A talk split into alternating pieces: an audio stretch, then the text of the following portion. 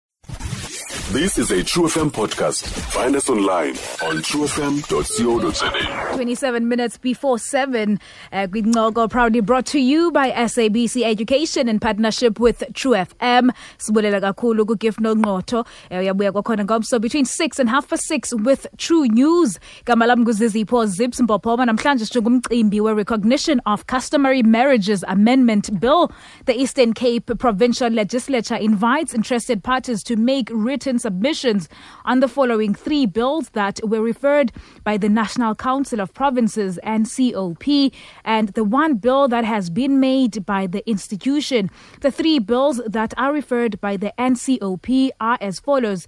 the National Environmental Management Laws Amendment, NEMLA, Bill B14D 2017,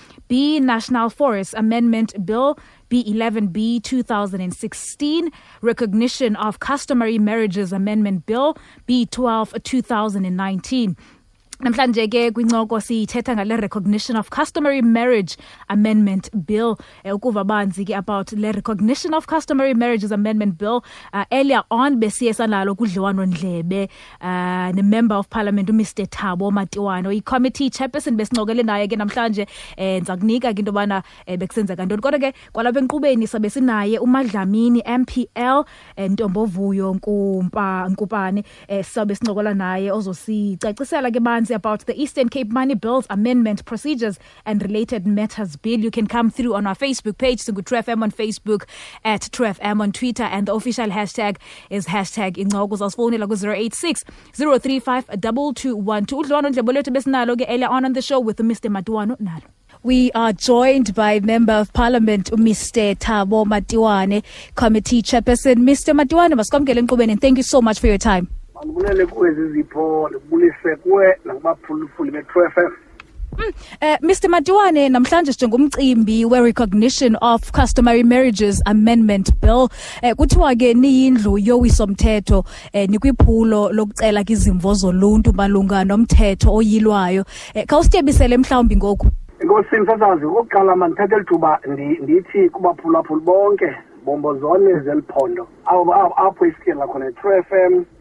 nakuye wonke umntu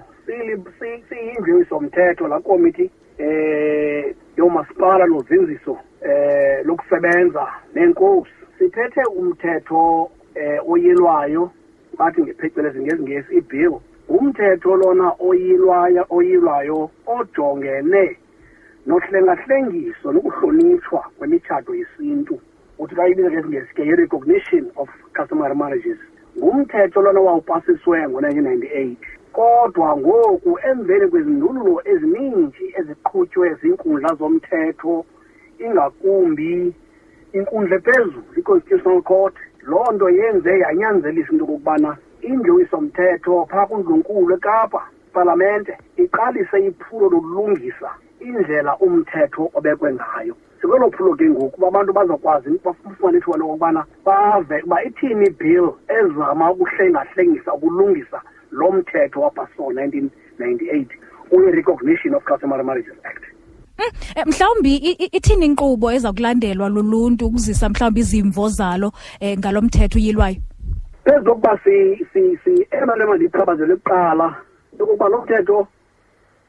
uthi ujongene kakhulu eh ukuba iinkundla zonke kuyabonakala uba zifumanise into okokubana awuhambisani nomgaqoseko lo mthetho ongaphambili okwesibini eh unobuhlanga eh, eh uyacalucalula ngesini uyacalucalula ngemveli ngemvelaphi Eh, ngoku ke izawufuna loo nto ukubana bonke abantu abe betshate phambi kokuba lo mthetho ube khona nabatshate ngoku lo mthetho sowupasiswe ngo-nineteen ninety-eight bangene baparticipate bathathe inxaxheba ukutsho ngekwesintu ukwenzela ukuba uluvo lwabo luvakale ukuze lo mthetho uyilwayo ube yile nto umgaqoseko uthi makube yiyo okwesithathu lo mthetho ubungekho unfair nje koomama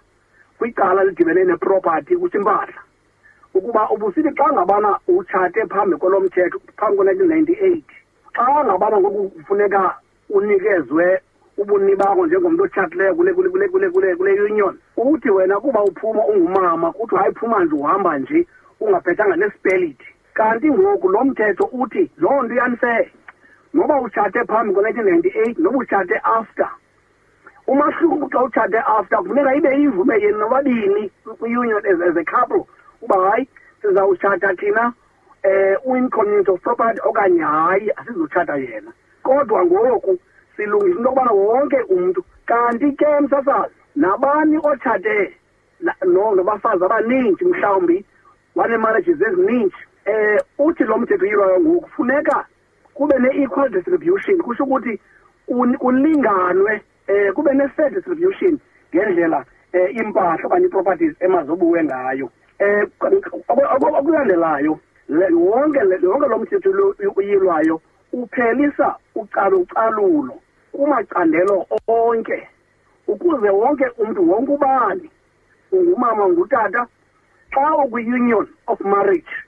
ube ne-recognition oyifumanayo xa ngabana eh kuthethwa kuthethwa ngeproperty yenu eniyenzileyo as a couple in a marriage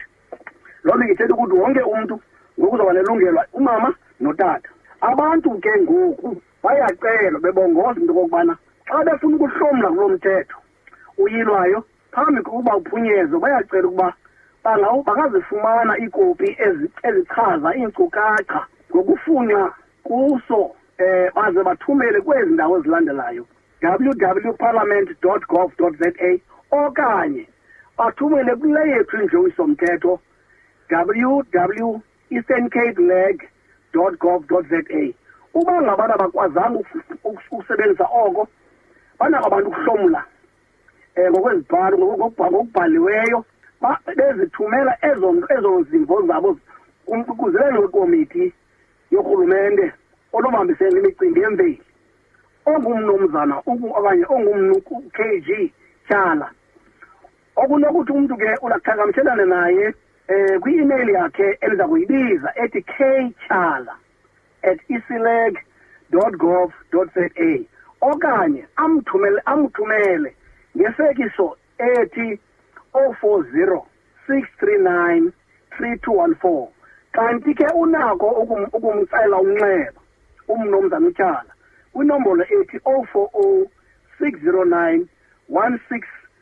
7 1 lonke uluntu liyacelwa luthathe inxaxheba ukuze kuhlonitshwe kuhlonelwe eh, eh imitshato eyenziwe ngesintu kuburhulumente bethu esikubo ngoku umthetho umthetho omkhulu iconstitution iyakubona ngale sicacisa into okokubana wonke ubani unelungelo to a fair treatment equality eyona nto iphakanyiswa kakhulu apha kukulinganwa um kwendlela abantu bangene ngayo banxulumana ngayo kwimarriage yabo bangabi khona nto ubonakalise ukuba um yena utrithwa unfairly wonke umntu lo mthetho uyilwayo wenza into yokubana ube nxamnye nomgaqoseko sizipho mm, eh, Mr Matiwane mhlawumbi ngawaphi lamasolotya alomthetho uyilwayo ongezelelwayo kanye ke mhlawumbi asuswayo wena kokuqala kokuqala njengoba besenditshilo one eh lo mthetho ongaphambili ubucalucalula ngokuba ngokwesini ucalucalula um ngokwemvelaphi ucalucalula ngokubuhlanga ngoku silungisa loo nto kuba ayikho nxalenye neconstitution okwesithathu okanye okwesibini lo mthetho ubungayiqapheli into yomntu otshate phambi ko-nineteen ninety-eight ngoku silungisa loo nto sithi nokuba ngabana utshate phambi ko-nineteen ninety-eight utshate kwi-customer kumtshato wesintu unelungelo uba ube kunokuxhamla xa ngabana kuthethwa nge-distribution okanye nge-fair equitable distribution yeproperty yenu eniyenze nobabini eh, nikule marriage kananjalo uthi noba utshate after loo mthetho uzowenziwe after nineteen ninety eight ukuba ngabana khanibe nayo loo mvumelwano unakuxhamla kodwa ilungelo onalo ngule lokubana uthi wena sitshata ngoku sekhona lo mthetho uyi-recognition of customary marriage act, marriages act eh sinakuba sovane sobabini sithi hayi thina sizawutshathwa in community okanye hayi asizothathwa in community of property ikhombe kuthi loo nto okokugqibela enye into elungiswayo apha yinto yokokuba aba bantu batshate um imitshato emininji um bathi bathi ngesixhosa umtshato esithembu bonke aba bantu bakwisithembu umntu lo mntu unelungelo there must be fair equitable distribution yeproperty xa sele kusabiwa um um um phaya kuloo mzi kuneso sithembu kanti ibinkabi ingekho loo nto phaa ngaphambili silungisa loo nto ke ngokwenzela uba abantu abangena kwisitendi bangene beyazi into yobana banelungelo kwii-properties abahlala kuthi kwii-households abakuzo njalo njalo kuba loo nto ibingekho bangaphambili eh, mhlawumbi mr matwene kufuneka into yobana ezi zimvo zibe sele zifakiwe ngoluphi usuku mhlawumbi okanye ke mhlawumbi ngompumhla well zizipho siyathanda ukuphawula into yokubana ibingaske usukela ngokuba yonke le nquleqhu yokuzama unxulumana nabantu bathatha inxaxheba siyenza usukela ngoku namhlanje eh idate namhlanje i-28 uya kufika ku-28 ka-august ibingaske wonke umntu usukela namhlanje uyokujonga ngomso bayaqalisa abantu ukufaka izimvo zabo silungisa ke into okokubana ze kuthi ze kuthi xa kugqityiwe kungabikho mntu uthi hayi mna zange ndilifumane ithuba lokuba ndihlomle kwaye ndibe nento endiyifakayo ethi ndilungisa phaa naphaa siyacela kuluntu lonke lweli phondo nalithuba yenza izimvo zakho zaziwe make your voice heard it's your time Mr Matwane mhlamba amazwi akho okugqibela kubemi eh bephondo lempuma kolona ngathini Ena nto engandibalekile kulorhulumente sikuye eh zizipho into kokubana abantu eh ngabakhululi babo abantu intetho nxexheba yabo ukukhulula isizwe sabo ngokwabo abantu ze kuthi ngezimvo zabo kwenzeke izinto ezitshintsha ubomi babo siyacela ke into yokubana njengoko abantu bazabalaza kule nyanga yokuzalwa kwaba umandela xa sexa seyiphela sikhuthaza abantu bakuthi khona kananjalo into okobana kufike loo thuba lokokubana nibonakalise ubunganga nomngangamsha benu njengoluntu lwelizwe kwintatho nxaxheba e-active citizenry yinto lo rhulumente ayishumayelayo siyacela into yokubana wonke umntu yonke ubani noluphi uhlanga luhlomle luphawule luphakamise izimvo zalo kulo mthetho uyelwayo ukuze umgaqoseko ngenye imini ungasifumani sisecaleni koko uzifumane sihamba nawo iyawuthi uzenzeke loo nto lenge wonke umntu aphakamise izimvo zakhe urhulumente enze le nto abantu bathi bayayifuna njengemdliwisomthetho yalapha ephondweni eastern cape sizakuni sisithi phumani nonke iphawule nihlomle niphakamisa izimvo zenu lithuba lenu eli lingalishiyi enkosi umtazana nkosi kakhulu mr matwane ngexesha lakho nkosi kakhulu sizibhujabulela 15 minutes uh, before 7 kwincoko proudly brought to you by sabc education in partnership with tref mhleli nam uzizipho zips mpopoba um sibambe ngazo zozibini um eh, kumember of parliament umr thabo matiwane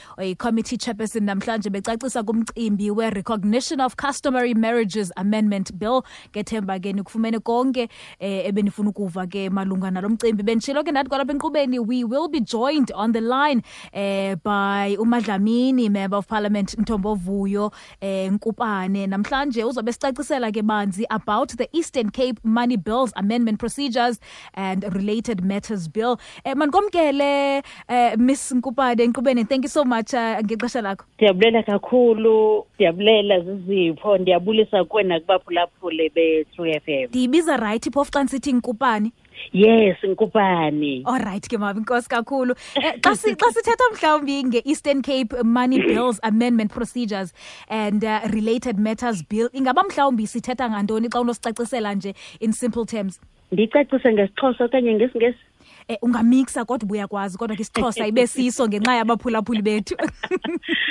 Okay, enkosi kakhulu zizibo. Sine bills si Eastern Cape Provincial Legislature, i bills ezi4, ezi3 zi bills ze NCOP kube yi bill ye legislature ke ngoku directly le siyibiza ngokuba yi Eastern Cape Money Bills Amendment Procedure and Related Matters Bill. This bill is established according to Section 120, subsection 3 of the Constitution of the Republic of South Africa, 1996. Uh, this act provides, that is, the Constitution provides that, I quote, a provincial act must provide for a procedure by which the province's legislature may amend a money bill. Then the executive I close quote. The executive committee of the legislature resolved sometime in 2016, that is what, on the 26th of May, that a draft legislation to amend money bills in the legislature according to section 120 subsection 3 of the constitution must be initiated to ensure enhanced oversight in the consideration of the provincial budget This decision was endorsed by the Rules Committee at its meeting held on 29th March 2017. iye yathi ke emveni koko yavuselelwa le ad hoc committee xa kungena le sixth term ye ye legislature because leya i fifth term iye ya yaphela ya i-term ingagqitywanga yavuselelwa ke ikomiti kwavuselelwa kunye ne-terms of reference ithi ke le nto masenze i-extensive consultation process si-eastern cape on this money bills amendment uh, procedure and related matters bill 2020 ukwenzela into yokuba ilegislature ibe nendlela yokuthi iphicothe ijonge xa kusenziwa i-money bills ngutreasury athi xa epresenta umphathiswa e-, ehawusini ibe nako into kokumalungu laa welegislature wenza i-oversight ii-committees zawo zikwazi ukuyihloma amahlongwane zikhokelwa yile bill iza kube seliyi-act ngelo xesha ithi ke le nto ngalo mzuzu asikabi nayo and xa kufakwa ezi bills eh, elegislature ehawusini ziprezentwa sivuma nje sinqwala iintloko kuba asinawo umthetho wokuthi hayi kutheni ungathathi kule isection yofaka kuleya ivoti leya ivoti ngoba yeyona enezidingo zabantu kakhulu kutheni ungathathi kule ufake kule asikwazi kuqhuba le nto iyim-amendment hmm. so ke ngoku le act siyenzayo eseyibill okwangoku ithi ngoku masizowucela izimvo zabantu eh sikwazi into kokuba ekugqibeleni kwayo xa sesifumene izimvo zabantu izawukwazi into yoba siphicothe kwakhona ide ibe yi-act then ke ngoku sikwazi into yoba xa inikezelwa ii-money bills zisubmithwa ziprezentwa then the budget process as the legislative oversight efama masiyenze thina singamalungu epalamente sawukwazi ke ngokuba sibe nomthetho esiyame ngawo ngenxa yale bill iya kube seliyi-act hmm, ndingakuqhawulanga mama unkupane eh let's pay some bills xa sibuyayo ke sawuphinde siqhubekeke nodliwano ndlebe lethu mandiphinde ndibuyele kuwe mama unkupane eh, mhlawumbi lubaluleke kangakanani uluvo lwabantu jikelele on such matters ndokuvile eh usithi eh nizawucela kizimvo zabantu mhlawumbi uluvo lwabantu nje eh kwi matters ezinjengezi lubaleke kangakanani na eh kuba eh msasazi injongo yalomthetho oyilwayo kukuba indlu yowisomthetho mayikwazi yona ukugocagoca nokuba ilungise ihlengahlengise i-money bill izimvo ke ngoku zabantu kukuba abantu bazawuqinisekisa into yokokuba lo mthetho uyilwayo bathatha inxaxheba kuwo ukuqhubela phambili icandelo eli lomgaqosiseko kwakhona kuqinisekisa into yoba umsebenzi wokubekwa kweliso kubaphathiswa namasebe karhulumente izawuthi iqinisekiswe yindlu yowisomthetho kunye nokuqinisekisa intatho nxaxheba yoluntu kuhlengahlengiso lwebhili yezemali aba bantu ke sibakhonsalthayo sithetha nabo namhlanje ngabantu aba thina singamalungu epalamente sizi-representatives zabo epalamente kodwa singenawukwazi into yoba sithathe izigqibo kwizinto abangakhange bona siye kubo bathathe inxaxheba kananjalo nale nto inemali ubufumanisa into yoba sesiyipasisile ibill yemali ezawuqalisa usetyenziswa uqala konyaka mali kodwa ufumanisa into obizazela zisiphethe uba sikhange siye ebantwini ngale bhajethi yeliphondo lo mthetho ke usincedisa kuloo nto into yokokuba abantu kunye nathi sonke sizawuthatha inxaxheba ngendlela efanelekileyo uluntu ke luyakhuthaza into yokokuba maluhlomle kulo mthetho oyilwayo phambi kokuba uphunyezwe ibe ngumthetho wendlu yowiso-mthetho yempuma kapa mm, eh, mama kubana mhlawumbi zithini indlela abantu ke abanothi eh baqinisekiseke into yobana imibuzo yabo iyafikelela kuni kwaye mhlawumbi bafumana iimpendulo amaxwebhu kokuqala alo mthetho uyilwayo angafumaneka ngokufunxwa phaya kwiwebsite yethu yaselegislature ithi yona ngu-www dot eclegislature dot gov dot za kananjalo izihlomelo ezibhaliweyo ngalo mthetho uyilwayo zingathunyelwa kugeneral manager legal and procedural services igqwetha lejaji unkosazana ukholeka bheja ekunokuqhagamshelwana naye ngolu hlobo k bheja ubheja lo akanayo u-h ngu-k b e j a at ec ledge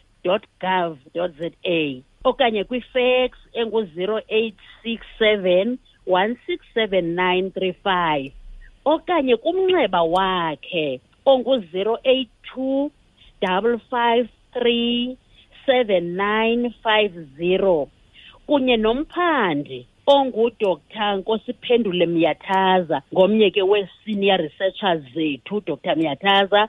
ekunokuqhagamshelwana naye ngolu hlobo n n for nancy myathaza at isiledge dot gov dot za okanye kumnxeba wakhe ongu-zero eight two double seven double nine zero four AIDS kumnxeba wakhe kananjalo ke i-electronic versions ema sendithile uba zingadawunlowudwa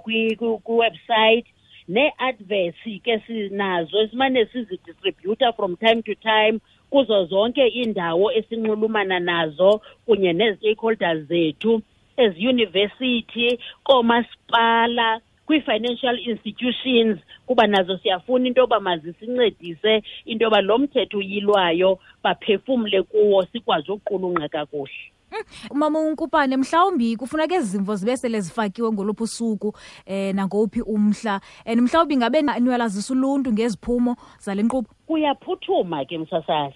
kuba kwi-second week of july sazikhupha izibhengezo eziya kwi-stakeholders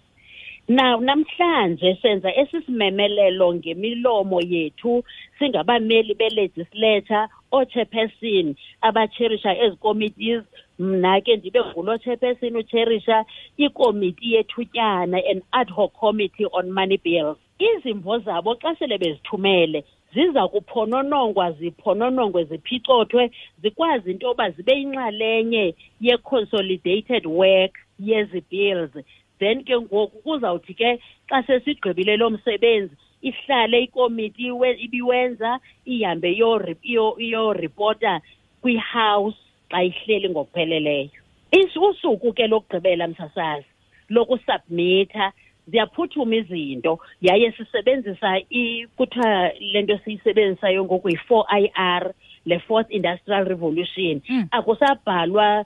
kuthunyelwa abantu bahambe batravele ukubheka ebhisho yenziwa apha emnxebeni le nto okay. uyafowuna uyafeksa uya-imeyila so idate yokugqibela ngumhla ka-thirty one eh apha kuJuly Okay. Alright ke mama nje qabaqaba in 30 seconds ngaba mhlawumbi iyafana indlela yokufaka izimvo xa usisiqu naxa umela umbutho othile kwaye ke mhlawumbi athina amazwi akho okugqibela kubemi basempuma koloni nje qabaqaba in 30 seconds. Enkosi eh, kakhulu mandi memelele kubantu bonke basempuma Kapa ukanti nomzantsi Afrika gabalala uba mabafake izimvo zabo siyazamkela kunjalo nje ke ukuphefumla kwabo uyasincedisa kakhulu uqinisekisa into yoba intatho nxaxheba yabantu public participation in the affairs of the legislature iyawuphumelela ngenxa yentatho nxaxheba yabo olrayithi ke mama inkosi kakhulu um ngexesha lakho siyabulela kakhulu ube nobusuku obumnandi enkosi eh, kakhulu zizipho ndiyabulela kuwe nakubaphulaphula nkosi kakhulu